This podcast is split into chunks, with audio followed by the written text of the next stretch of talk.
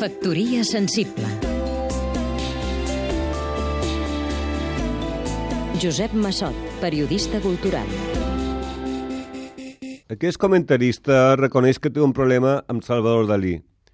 Ha defensat la seva genial impostura quan li menyspreaven per les seves extravagàncies i ha hagut de criticar-lo durament davant els adoradors de la celebritat.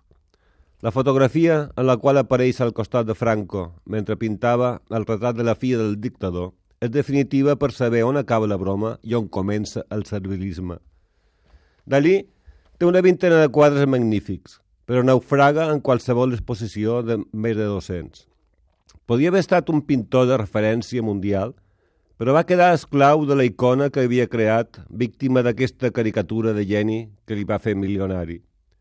Ara, en el Reina Sofia, s'exposa una antològica desencertada.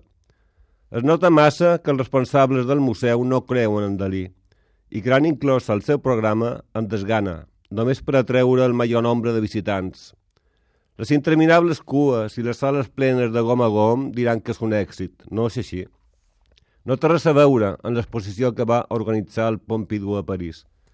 Allí van saber donar al museu un aire de teatre i van mostrar Dalí com un gran performer, un gran farsant, foll irreverent que, fracassada la seva pintura, va posar la seva obstinació a exagerar i treure rendibilitat el que en definitiva és la seva millor obra, el seu personatge. D'aquí, crec jo, és la seva modernitat. Com deia el seu amic Pepín Bello, el quart amic de la seva època dorada, la de Buñuel i Lorca, el surrealisme és, sobretot, una forma d'humor. Factoria sensible